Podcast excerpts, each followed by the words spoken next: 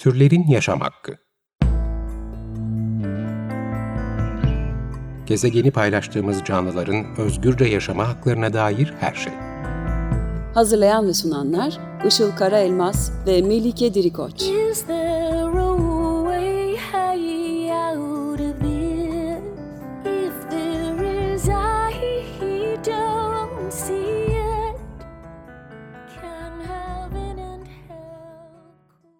Merhabalar, 94.9 Açık Radyo'da Türlerin Yaşam Hakkı programı başladı. Ben Melike Dirikoç. Merhabalar, ben de Işıl Karaelmaz. Teknik Masa'da Selahattin Çolak'la birlikte kayıt alıyoruz. Bugünkü destekçimiz Can Eröndere ve diğer tüm program destekçilerimize teşekkür ederek başlayalım. Bugün yine gündemden bir konuyu veganizm bağlamında tartışmak istedik. İstanbul Sözleşmesi ve kadına yönelik ayrımcılıktan yola çıkarak baskı ve şiddetin ortaklıklarından ve kesişimselliğinden bahsedeceğiz. Bildiğiniz gibi kadın cinayetlerinin bir türlü son bulmaması ve buna rağmen kadını şiddetten ve ayrımcılıktan koruyan İstanbul Sözleşmesi'nden çık- çıkılmanın tartışılıyor olması sonucunda sosyal medyada e, Türkiye'nin sınırlarını aşan bir kampanya yapıldı.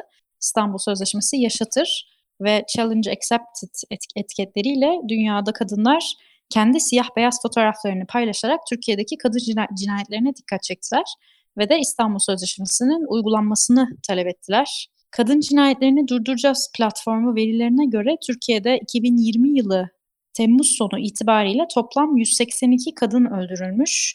2019 yılında ise bu rakam ne yazık ki 474'e çıkmış. Ayrıca 2019 yılı da Türkiye'de son 10 yılda en fazla kadının öldürüldüğü yıl olmuş. Yani bir azalmadan bahsedemiyoruz e, bu alanda. Hal böyleyken Türkiye Devleti kadınları koruyabilecek ve toplumsal cinsiyet temelli şiddete karşı kullanılabilecek çok önemli bir aracı İstanbul Sözleşmesi'ni feshetmek peşinde ne yazık ki şiddeti önlemek gibi bir amacın olmadığı çok açık. Bugün de bu gündemden yola çıkarak pek kurulmayan bazı bağlantıları kurmaya ve tartışmaya çalışacağız. Türlerin Yaşam Hakkı'nın 17 Haziran tarihli baskının ortaklıkları konulu bölümünde de farklı öznelere yönelik bu ayrımcılıkların ortak noktalarını konuşmuştuk. Ayrımcılıkların kökeninde çok benzer bir zihniyetin olduğundan bahsetmiştik.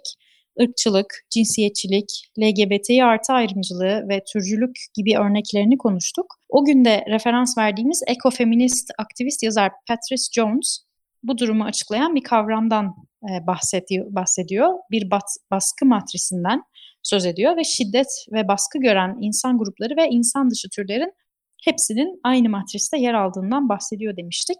Ve geçtiğimiz haftada konuk ettiğimiz Hayvan Hakları İzleme Komitesi Hakim'den Fatma Biltekin 2020'nin ilk 6 ayında gerçekleşen hayvan hakları ihlallerini açıkladı ve bazı rakamlar paylaştı. En az 522 milyon 349 bin 599 hayvanın öldürüldüğünü ifade etti 2020'nin ilk 6 ayında ve bu rakamın içinde eti için öldürülen koyun, keçi, inek, manda sayılarının olmadığını, kürkleri için öldürülen tavşan ve çinçila sayılarının olmadığını ve deniz canlılarının da hiçbirinin olmadığının da altını çizmişti. Şimdi kadına yönelik ayrımcılık konusuna geriye dönersek, özgürleşme ve hak mücadelelerinin ortaklıklarını incelemek üzere konuya feminizmden girelim bugün. Melike sen bu konuda yani veganlık ve feminizm kesişimi konusunda bir sunum hazırlayıp sunmuştun geçtiğimiz aylarda. Öncelikle yakın zaman feminizm tarihinden kısaca bahset, bahsetmek ister misin? E, feminist mücadelenin patriarkanın e, varoluşundan itibaren olduğunu biliyoruz. Yakın tarihe bakacak olursak 3 e, akımdan söz etmemiz mümkün. 19. yüzyılda ve 20. yüzyılın başlarında ortaya çıkan ve daha çok kadınların yasal haklarını alma mücadelesi veren ve suffragettes olarak da bilinen birinci akım feminizm. Sonrasında 1960 ve 1980 yılları arasında yükselen ikinci dalga feminizm var. E, burada da kadınların daha çok kültürel haklarına, cinsiyet eşitliğine ve kadının toplumsal e, rolüne odaklanan e, bir e, akım. Sonrasında 90'ların e, sonunda ortaya çıkan üçüncü dalga feminizm ise altında farklı feminist perspektifleri barındıran ve aslında diğer iki dalgaya da eleştirel bakabilen daha kapsayıcı bir yerden e, ortaya çıktığını gördüğümüz bir dalga. Üçüncü dalga feminist hareketin altında siyah feminizm, trans feminizm, ekofeminizm gibi akımları sayabiliriz. E, bu noktada biraz ekofeminizm ekofeminizmden bahsetmek istiyorum. Ekofeminizm, patriarkaya ve cinsiyet eşitsizliğine karşı olan duruşuna yalnızca kadınlar e, olarak bakmak yerine insan dışı hayvanları, doğayı ve dünyanın kendisini de ekleyerek aslında bu mücadelede tüm hisseden öznelerin aynı şekilde baskılandığını söylüyor. Ekofeminizmin tohumlarının atıldığı 70'li yıllar e, aynı zamanda dünyada hayvan hakları ve çevre hareketinin de şekillenmeye başladığı yıllar. Dolayısıyla bu ortaklıkları e, görmeleri tesadüf değil. E, ekofeminizm patriarkayı erkin kadınlara, doğaya ve hayvanlara hükmetmeye çalışması olarak tanımlıyor. Geçtiğimiz bölümlerden biri olan baskının ortaklıkları bölümünde patriarkanın ve baskıcı düzenin ikili dünya görüşü zihniyetinden detaylı olarak bahsetmiştik. Burada da kısaca hatırlatmak gerekirse ikili dünya görüşü yani dualist e, görüş dünyayı ikili zıtlıklara bölen ve zıtlıkların bir tarafında bulunanların diğer tarafta bulunanlardan daha iyi, daha önemli e, ve daha üstün olduğunu iddia eden bir zihniyet. En bilinen ikili zıtlıklardan bazıları kadın erkek, doğa kültür, hayvan insan, duygu mantık e, zıtlıkları olarak sıralanabilir. Burada kadın, doğa, hayvan ve duygunun e, yer aldığı taraf diğer taraftaki erk ile özdeşleşen unsurların hegemonyası altında görülüyor maalesef. E, tek tanrılı dinler sonrası özellikle patriarkal sisteme bakacak olursak da şöyle bir piramitten bahsedebiliriz. En tepede tanrı, onun bir altında Tanrı'nın bu dünyadaki varisi olarak görülen beyaz sis e, yani biyolojik cinsiyetiyle beyan ettiği cinsiyetin uyumlu olduğu erkek insan. Ve en alt katmanlarda da e, kadın, doğa, hayvanlar, diğer ırklar gibi özneler bulunuyor. Erkeğin olduğu alan aynı zamanda kültürün e, bulunduğu da alan ve haklar da kültür alanında bulunuyor. Bu nedenle de erkeğin dışında kalanlar doğanın olduğu alan ile ilişkilendiriliyor ve doğa alanı patriarkanın kaynak olarak gördüğü bir alan. Yani hem hayvanlar hem doğa hem kadın hem beyaz olmayan ırklar ve diğer tüm norm dışı e, öğeler patriarka tarafından sömürülecek kaynaklar olarak görülüyor. Dolayısıyla ilk başta aslında pek çok kişinin e, şu zamana kadar görmemiş olabileceği baskının ortaklıkları bu noktada görünür hale gelmiş de oluyor. Yani mevcut sömürü sistemi hem kadınları hem doğayı hem hayvanları hem başka ırktan insanları hem başka sınıfları başka norm dışı özneleri ayrı ayrı ama aynı metotlarla aslında sömürmüş oluyor. E, antropolojik ve e, sosyolojik çalışmalar erkin kadınlar ve diğer sömürülen insan grupları üzerinde uyguladığı baskı modelini öncelikle insan dışı hayvanlar ve doğa üzerinde geliştirdiğini söylüyor.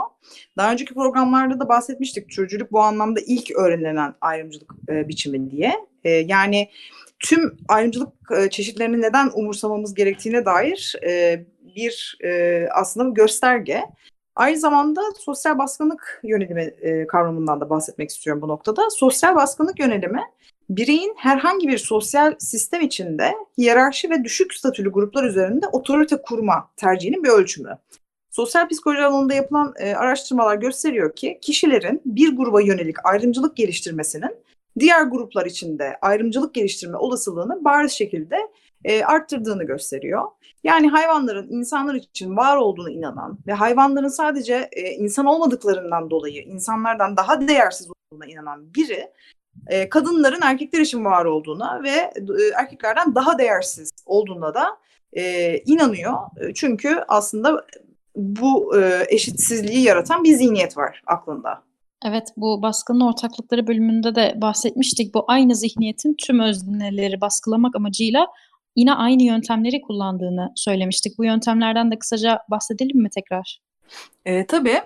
Şimdi tabii çok farklı e, alanlarda farklı yöntemler olabilir. Medyada, kamusal alanda e, birçok taktik ve metot var. Ben bugün ekofemin, ekofeminist, vegan aktivist e, Patrice Jones'un sıklıkla referans verdiğimiz Patrice Jones'un bahsettiği üç yöntemden bahsetmek istiyorum. E, bunlar parçalara ayırarak metalaştırma, üremenin kontrolü ve hiyerarşik ayrıcalık dinamikleri.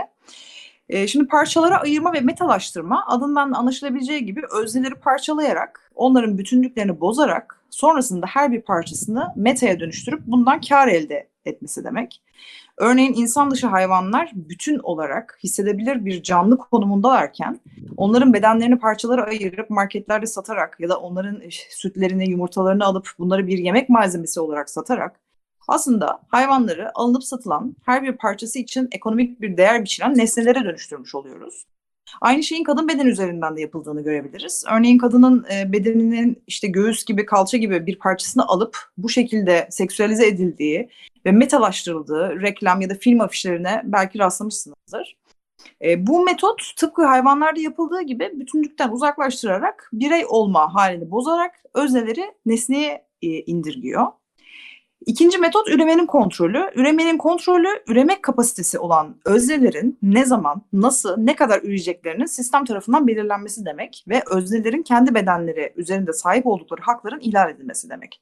Yani bugün bir kadına çocuk yapması gerektiğini söyleyen, kaç yaşında çocuk yapması gerektiğini, kaç çocuk yapması gerektiğini, kiminle çocuk yapması gerektiğini ve kendi üreme organı süreçleriyle kafasını e, süreçleriyle ilgili kafasına göre hareket edemeyeceğini söyleyen bir yapı var. Bu politik söylem olarak karşımıza çıkıyor, toplumsal baskı ve normlar olarak karşımıza çıkıyor. Çünkü üremeyi kontrol etmek e, birçok şeyi kontrol etmek demek. Toplumu, ekonomiyi, dünya düzenini kontrol etmek demek. Ve bunun kontrolü kontrol edilen öznenin özlük hakkının da direkt ihlali demek. Onun üreme makinesi olarak görülmesi demek. E, ve tamamen aynı şeyi hayvanlar için de yapıyorlar. Hayvanların üremesinin kontrolü tamamen insanlığın ve bunun için geliştirilmiş sektörlerin elinde. Ve hayvan köleliğinde yalnızca ne kadar hayvanın bu dünyaya doğurtulup ya da e, sektörün tabiriyle tırnak içinde üretilip ne kadarının yok edileceği belirlenmekle kalmıyor. Aynı zamanda üreme mekanizmaları insan eliyle ya da makinalarla ve aletlerle suni yollarla ve tamamen rızasız şekilde gerçekleştiriliyor. Üçüncü metot e, hiyerarşik ayrıcalıkları korumadır. Aslında mantık, mantık basit. Eşitsizlikten doğan ayrıcalıklarını korumak isteyenler tabii ki eşitsizliğin devamını isterler. Bu yüzden de ayrıcalıklı konumlarının olduğu statükoyu devam ettirmeye amaçlarlar. Bu yüzden e, farkında olmadan eşitsizliği yaratan ya da sahip olduğumuz ayrıcalıklarımızı fark edip bunu eşitsizliği bitirmek için e, kullanmak önemli. Örneğin insan olduğumuz için hayvanların esaret altında onlardan zorla alınanları bir yaptırım olmaksızın tüketebiliyor olma ayrıcalığımızın yarattığı adaletsizliği anlamamız ve bunu değiştirmemiz gerekiyor. Ya da erkek olma ayrıcalığını örneğin e, kadınların toplumda daha fazla, kadınlar için toplumda daha fazla yer açmak için e, kullanmamız da e, gerçekten gerekiyor. Evet baskı matrisinin içinde hem baskı gören hem de baskı uygulayan konumda olabiliyoruz. Örneğin bir erkek olarak bir beyaz Türk olarak veya insan türüne mensup olarak içine doğduğumuz bu ayrıcalıklı kimliklerimizi dikkate almadığımızda tam da değiştirmeye çalıştığımız sistemin kendisiyle gizli bir işbirliği, bir anlaşma yapmış olduğumuzu söylüyordu Patrice Jones. E, dolayısıyla bu kapıda yine e, tüm ayrımcılıklara, ayrımcılıklara karşı ortak bir mücadelenin gereğine çıkıyor. Şimdi programın ortasına geldik. Bir şarkı arası verelim istersen. Bugün e, sen bir şarkı seçtin. Ne dinleyeceğiz? Ee, bugün Massive Attack'tan Black Milk dinliyoruz. Türlerin Yaşam Hakkı 94.9 Açık Radyo'da Türlerin Yaşam Hakkı programı devam ediyor. Bugün feminizm ve veganizm kesişimselliğinden bahsediyoruz. Bu kesişimsellik üzerinden yazılmış bir de kitap var. Etin Cinsel Politikası adında yazarı Carol J. Adams. Veganlık konusundaki okuma listelerinde e, muhakkak görmüşsünüzdür bu kitabı. Biraz bu kitaptan bahsedelim mi? Feminizm ve veganlığı nasıl ele alıyor Carol Adams? E, tabii. E, kısa bir not düşmek isterim. Kitap 90'larda yayınlanmış bir kitap ve yazarı Carol Adams o zamanlar vejetaryen. O nedenle e, kitap hayvan bedeni üzerinden e, ilerliyor. Kendisi daha sonra vejetaryenliğin etik açıdan neden yeterli olmadığını e, görüyor ve vegan oluyor. E, kendi web sitesinde bu farkındalığıyla alakalı şunları söylüyor. Direkt alıntılıyorum. Hepimiz insanlar olarak proteini bitkilerden alıyoruz. Bazı insanlar direkt olarak e, alıyorlar. Bazıları ise hayvanlar bitkilerdeki proteini işledikten sonra alıyor. E, yumurta ve hayvansal sütten alınan protein için feminize protein. Bunlar bitki e, proteininin dişi hayvanların üreme organlarını istismar edilmesi yoluyla alınmış halidir. Feminize protein insan istekleri için üreme kapasiteleri insanlar tarafından edilen yaşayan dişi hayvanlardan alınır. Bu anlamda evcilleştirilmiş tavuk ya da inek gibi dişi hayvanlar için kullanılacak tabir tam olarak cinsel organ köleliği. Bu hayvanların hala canlı olmaları süt ürünlerinin ya da yumurtanın mağduru olmayan zararsız ürünler olduğunu göstermez. Bu nedenle de vejetaryen feminist değil, vegan feminist diyor kendisi. E, bu noktada şunu bir not olarak düşünmek fayda var. Dişi olmayan hayvanlar, dişi olan hayvanlara göre daha az köle değiller ve hakları daha az ihlal edilmiyor.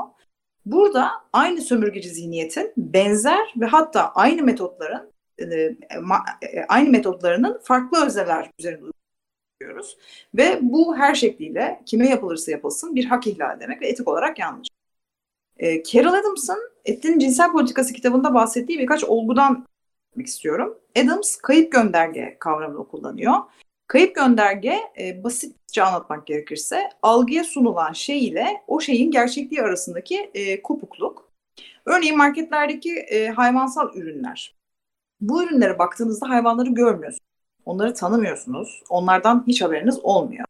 Bir plastiğe sarılmış kalçalarını ya da bir kartonun içindeki üreme organı parçaları olan yumurtalıklarını görüyorsunuz. Ya da bir camın ardında e, dilimlenmiş şekilde sunumu yapılmış peynirleri görüyorsunuz. Bu şekilde parçalanarak ve başka adlar ve anlamlar yüklenmiş bir şeylere baktığınızda bütünü ve arka planı e, görmeniz kayıp gönderge yüzünden e, imkansızlaşıyor. Zaten aslında her şey arka planı görmememiz için tasarlanıyor. Aynı durum kadın, kadın bedeninin metalaştırılması üzerinden de geçiyor. Artık kadın bedeninin bir parçası bir takım nesnelerle ya da olgularla özdeşleşiyor ve gerçek e, anlamı giderek siliniyor. E, bununla beraber kayıp gönderge dil aracılığıyla özneyi dilde yok ederek de gerçekleşiyor. Örneğin hayvanların ölü bedenlerine et diyerek, hayvanların annelik sıvılarına süt ürünleri tabirini kullanarak. Bunun çarpıcı bir örneği de Google aramaları çıkabiliyor. Örneğin e, tavuk yazdığınız zaman Google'a kuş türüne mensup hisseden bir hayvan olan tavuk e, için e, oldukça fazla sayıda bedeni parçalanmış ve yiyecek maddesi olarak kodlanmış ölü tavuk e, fotoğrafları ya da ölü tavuk bedeniyle yapılan yemek tarifleri çıkıyor karşınıza. E, Adams'ın bahsettiği bir başka durumda bitkilerin ve bitkisel yiyeceklerin feminize edilip hayvansal tırnak içinde yiyeceklerin maskülinize edilmesi. E, çoğumuz erkek adam et yer e, cümlesini durmuştur. Ya da e, erkek adam vegan olamaz e, cümlesini de duymuşsunuzdur muhtemelen. Bununla beraber bitki yemenin zayıflık olduğunu, bitkilerin de adeta evrimleşmemiş yiyecekler olduğunu e, ve esas besin kaynağının hayvansal yiyecekler olduğu argümanı da e, bu işin altında yatan bir düşünce. Örneğin mercimekte hayvan bedeniyle aynı miktarda protein bulunmasına e, ve hayvansallarda bulunan kolesterol ya da kanserojen maddeleri içermemesine yani temiz ve doğru protein kaynağı olması mercimeğin içindeki proteinin tırnak içinde gerçek protein olmadığını düşündürten de aslında bu zihniyet. Bu yüzden de veganlık aslında eril sistemi tam kökünden sarsıyor diyebiliriz. Tam da buradan ilk başta konuştuğumuz konuya İstanbul Sözleşmesi ve, ve kadın mücadelesine dönecek olursak ilk bakışta çok alakasız gibi görünen bu iki mücadelenin aslında pek çok ortak yanı olduğunu konuşmuş olduk. Ee, şimdi İstanbul Sözleşmesi ve kadın mücadelesiyle hayvan özgürlüğü hareketinin nasıl bir bağlantısı var bu durumda toparlarsak? Evet, belki senin de dediğin gibi ilk başta görünmeyen çok bağlantısı. Her iki özde de bir kere aynı mekanizmaları ve sadece kadınlarla hayvanlar değil, patriarkal sistemde en tepede olmayan ve baskı gören, hakları ihlal edilen herkes bu aynı mekanizmanın kurbanları. Aslında aynı şeyle savaşıyoruz ama sanırım bunu yeterince fark edemiyoruz. Bunu fark edersek o zaman e, bu mücadeleyi ortak ve işin sonunda e, gerçekten kazanmak. E, bunu fark edersek o zaman kendimizin de baskıcı sisteme istemeden ya da isteyerek hizmet ettiği alanları değiştirebiliriz.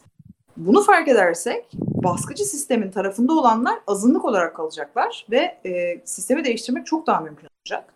Çünkü bir yerlerde bir adalet bu başka yerlerde de olacağını oluyor. Hisseden, yaşamının özdesi olan birileri mal ve eşya olarak bir yerlerde sömürüldüğü sürece bu sömürü diye bir şeyin, e, e eşitsizlik diye bir şeyin var olduğu bir dünyayı mümkün ve hiçbir şey birbirinden ayrı değil. Aksine hepsi çok bağlantılı, çok iç içe geçmiş ve e, belki de bunları ayırdığımız için kökten çözümler hep erteleniyor.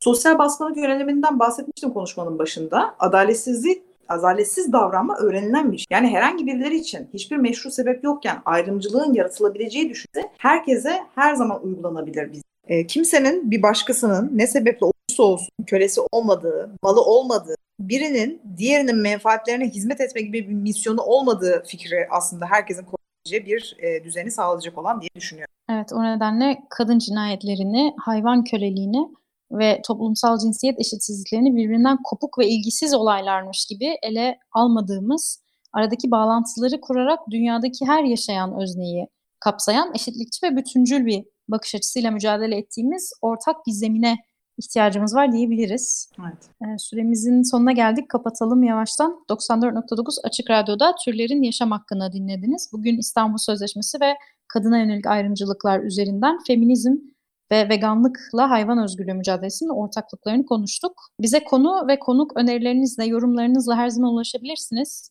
E-mailimiz turlerinyasamhakki.gmail.com Ben Işıl Karaelmaz. Ben Melike Dirkoç. Dinlediğiniz için çok teşekkürler. Görüşmek üzere. Hoşçakalın. Türlerin yaşam hakkı. Gezegeni paylaştığımız canlıların özgürce yaşama haklarına dair her şey. Hazırlayan ve sunanlar Işıl Karaelmaz ve Melike Dirikoç. Is there